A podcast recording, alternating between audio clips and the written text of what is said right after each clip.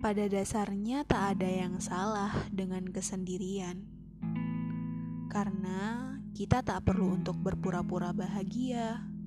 Kita tak perlu menjadi orang lain untuk diterima. Kita tak perlu memasang topeng agar tak ada yang mengetahui perasaan kita yang sebenarnya.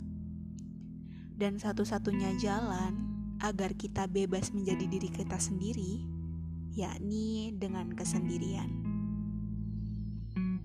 Namun, aku tahu rasa sendiri itu sungguh menakutkan.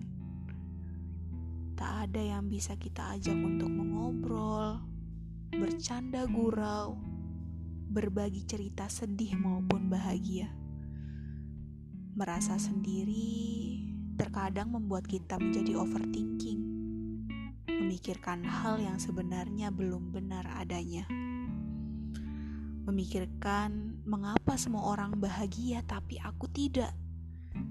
Mengapa semua orang memiliki teman yang selalu ada tapi aku tidak?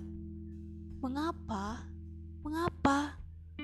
Dan mengapa lainnya? Hai, kamu yang saat ini sedang merasa sendirian. Kamu boleh menikmati kesendirianmu tapi jangan terlalu lama ya.